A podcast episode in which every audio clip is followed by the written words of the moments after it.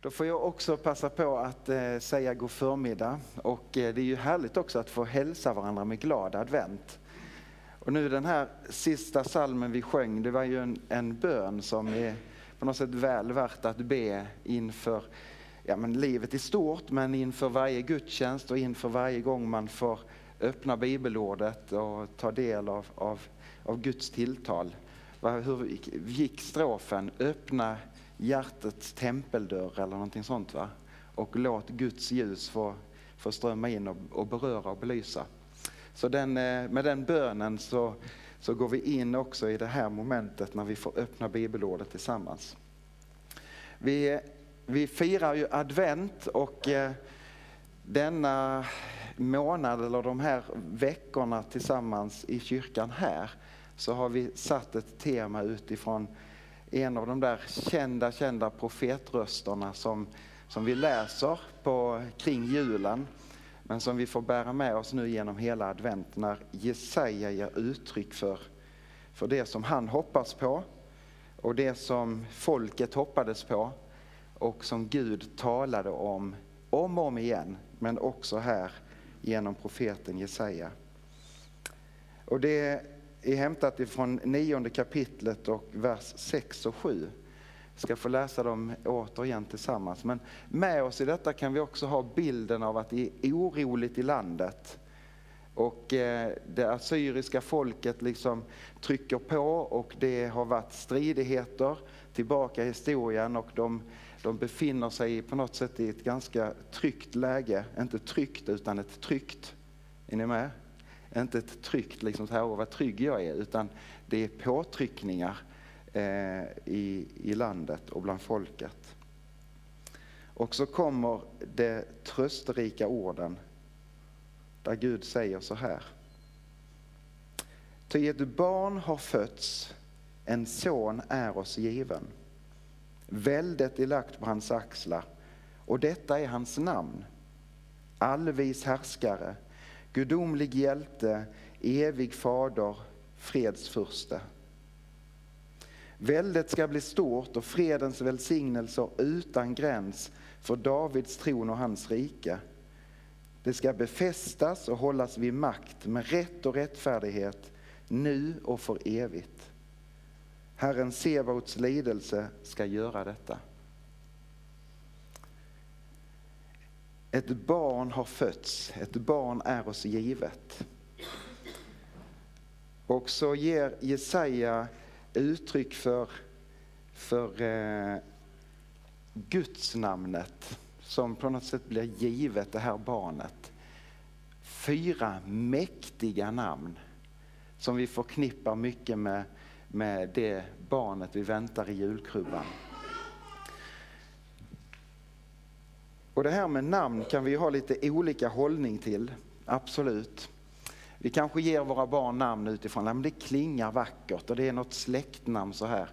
Eh, och ibland så reflekterar vi verkligen över vad betyder det här namnet? Bland Israels folk så, så var det och är det otroligt viktigt med namnet. Namnet är inte bara en, säga, skiljer person från person, utan det säger någonting om den här människan, om dess karaktär och om dess väsen på olika sätt. Så någonstans så, så kunde man liksom kunde en persons personlighet framstå inte bara genom ett liv som levs ut utan bara att namnet nämns. Och så har Gud genom sitt ord och genom sina gärningar om och om igen uppenbarat sitt namn. Och här talar Gud detta barn som ska födas ska ni ge de här namnen. Och där bland annat evig fader. Och det står som rubrik för den här söndagen. Jesus är evig fader. Ser vi liksom i historien så kan vi, kan vi liksom höra hur Gud uppenbarar sig både genom sitt karaktär, sin karaktär men, men också genom sina namn om och om igen. Han säger så här till Abraham. Jag är Gud den allsmäktige. Eller som, som han säger till Mose när Mose han är lite på flykt ifrån Egypten och det som har hänt där. Och så är han ute och vallar fåren i, i liksom den här landsflykten på något sätt. Och så uppenbarar Gud sig i den brinnande busken. Och så hör Mose eh, rösten ifrån himlen, från Gud själv. Och han inser att han står på helig mark så han knyter av sig skorna och står där. Och så får han en helig kallelse, gå tillbaka och befria folket ifrån fångenskapen i Egypten. Ja men vem ska jag säga är det som har sänt mig? Vem är du? Och så uppenbarar Gud sig med sitt namn och så säger han, jag är, är det som har sänt dig. Jag är. Finns det ett mer fullödigt namn och beskrivning av Gud? Jag är. Eller som vi kan läsa i Uppenbarelseboken 1 och 8 där, där det liksom lyser fram. Jag är alfa och omega, säger Herren Gud. Han som är och som var och som ska komma.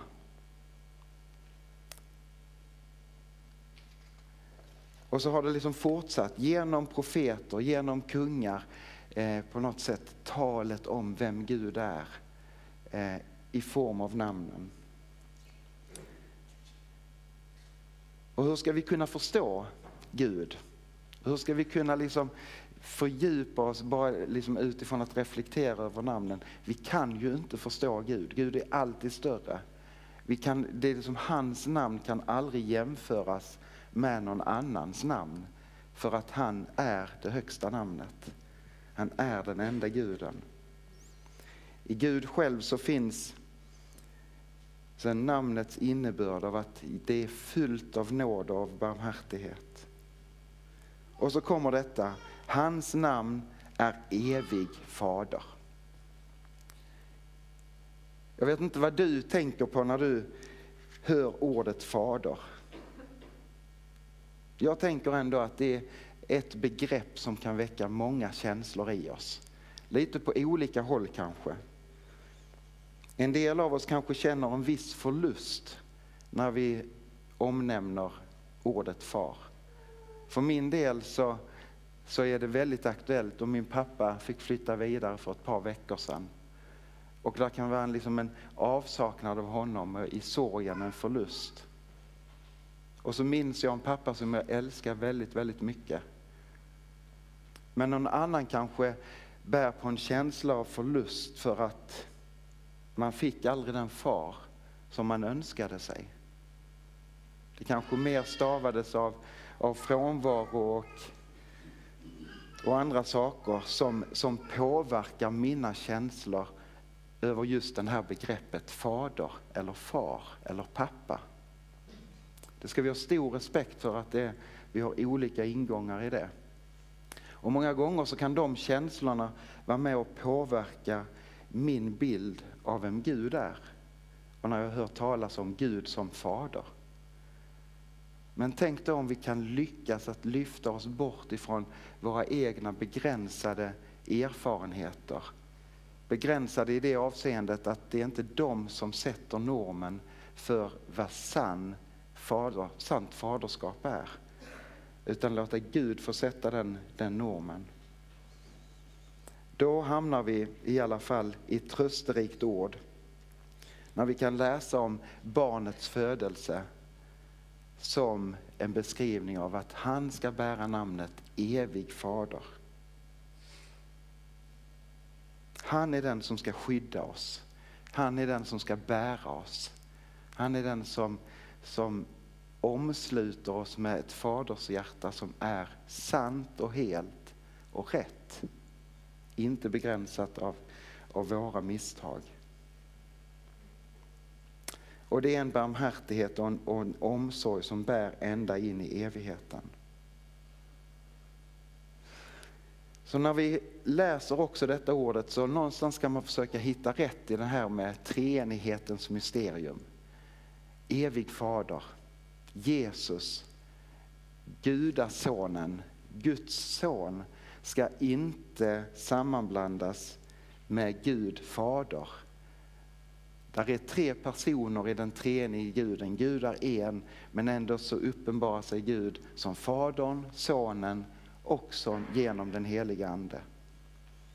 Så när Jesaja talar om att, att det här barnet ska bära namnet evig fader så, så tänker jag det är inte, det är inte en beskrivning av Jesu placering i den treenige Gudens liksom, hierarki.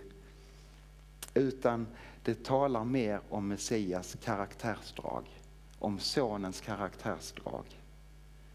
Ordvalet evig fader pekar på, på Kristi karaktär. Han är faderlig, eller han är faderslik. Det är mer det som Jesaja vill peka på. Och han är faderlik i det hur han vill behandla oss. Men han omnämns ändå som evig fader. Jesaja han talar gärna om, också om evigheten. Kanske mer än, än många andra författare i, i Bibeln och i Gamla Testamentet. Vi kan läsa i Jesaja 57. Han talar om Gud som den höge och den upphöjde, han som tronar till evig tid och heter den helige. Så beskriver Jesaja liksom Guds väsen. Och sen så lyser det fram här i Jesaja 9 och 6 så använder han samma språkbruk om Messias, om sonen. Evig fader.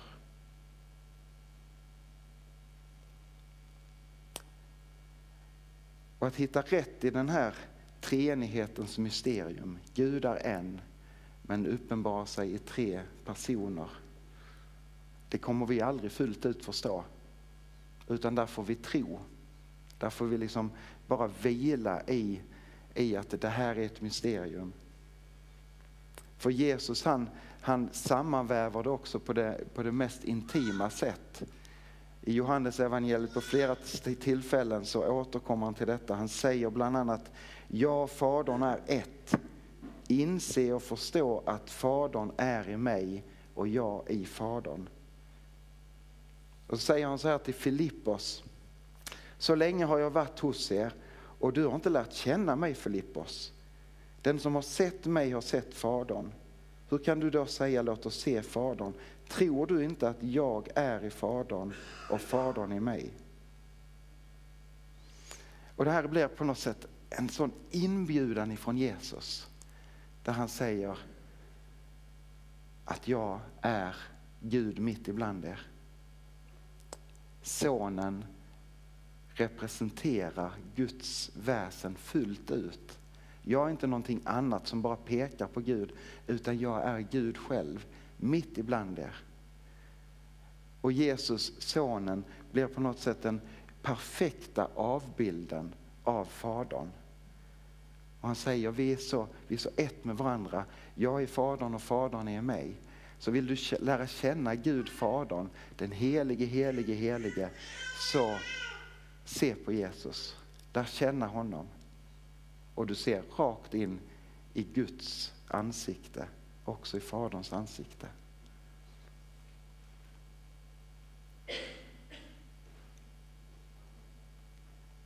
Jesus han säger ju så här. Ingen kan komma till Fadern utom genom mig. Och kanske vi kan säga så att det är endast Jesus som kan göra Fadern känd fullt ut. För att han är den perfekta avbilden.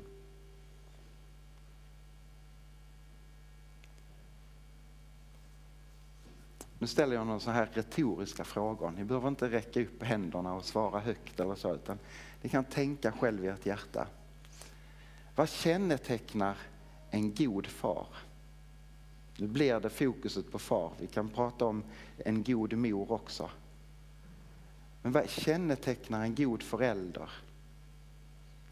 Det kanske bubblar lite olika svar i, i våra hjärtan och våra tankar.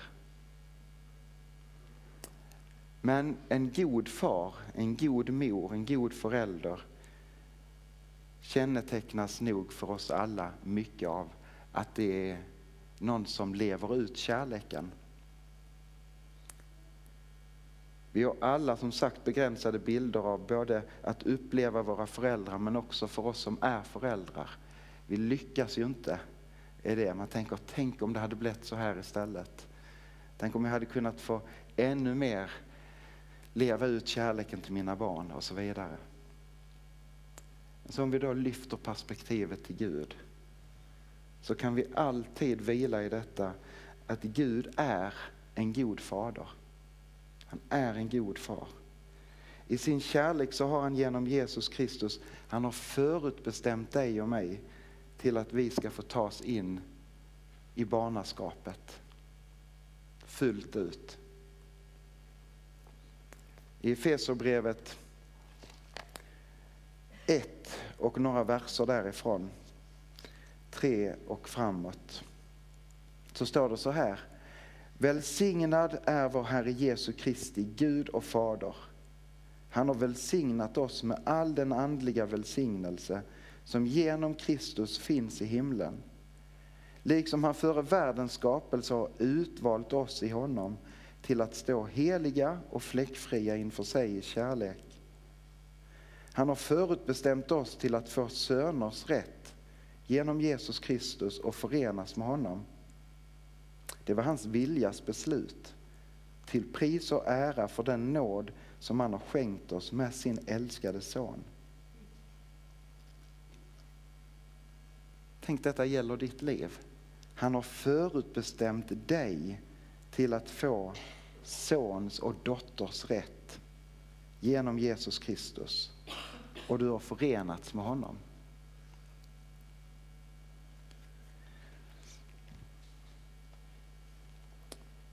Och någonstans kan vi försöka måla bilden av att långt före världens skapelse, innan någonting var till, innan, innan vi var tänkta i våra föräldrars liksom, ja, att vi blev till i vår mammas inre. Långt innan det så fanns du på Guds hjärta. Och Gud hade en plan för ditt liv om att du skulle räddas in i evigheten. Han hade redan innan skapelsen liksom bestämt att Jesus, du ska ta det fulla ansvaret för våra älskade barn. Du själv ska ta och gå i döden för att de ska få leva. Så Gud vågade skapa dig och mig trots att han visste att det inte kom till att bli så som det var tänkt utan att synden skulle komma i vägen. Men det är så underbart att Gud själv tar ansvar för det där. Jag vågar skapa och jag tar ansvar så att de kan få fullständig rättighet att vara mina, våra barn. Han kom för att fylla våra hjärtan med himlens kärlek och lära oss hur vi ska älska varandra. Jesus han kom för att du skulle få vara en son och en dotter till evig Gud, evig fader. Det är på något sätt Faderns, det är, det är Guds gåva till mänskligheten. Guds gåva till dig och till varje människa.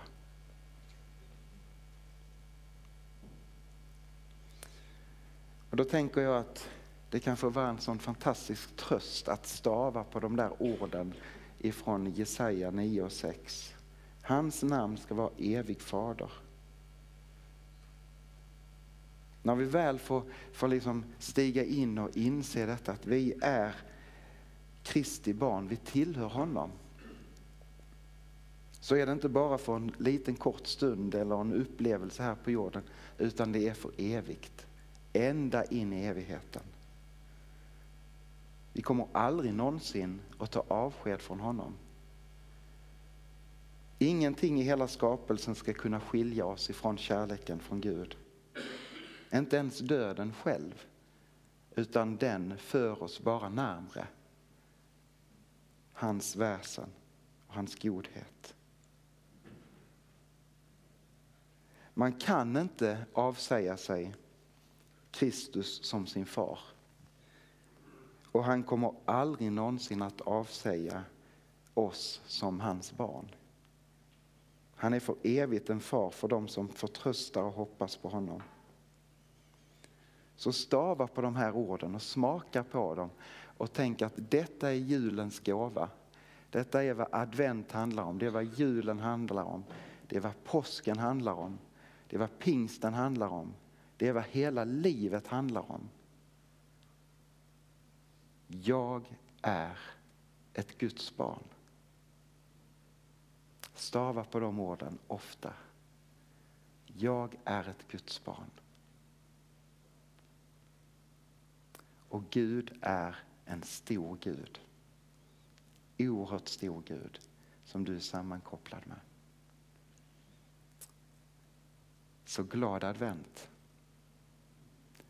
Ska vi be tillsammans.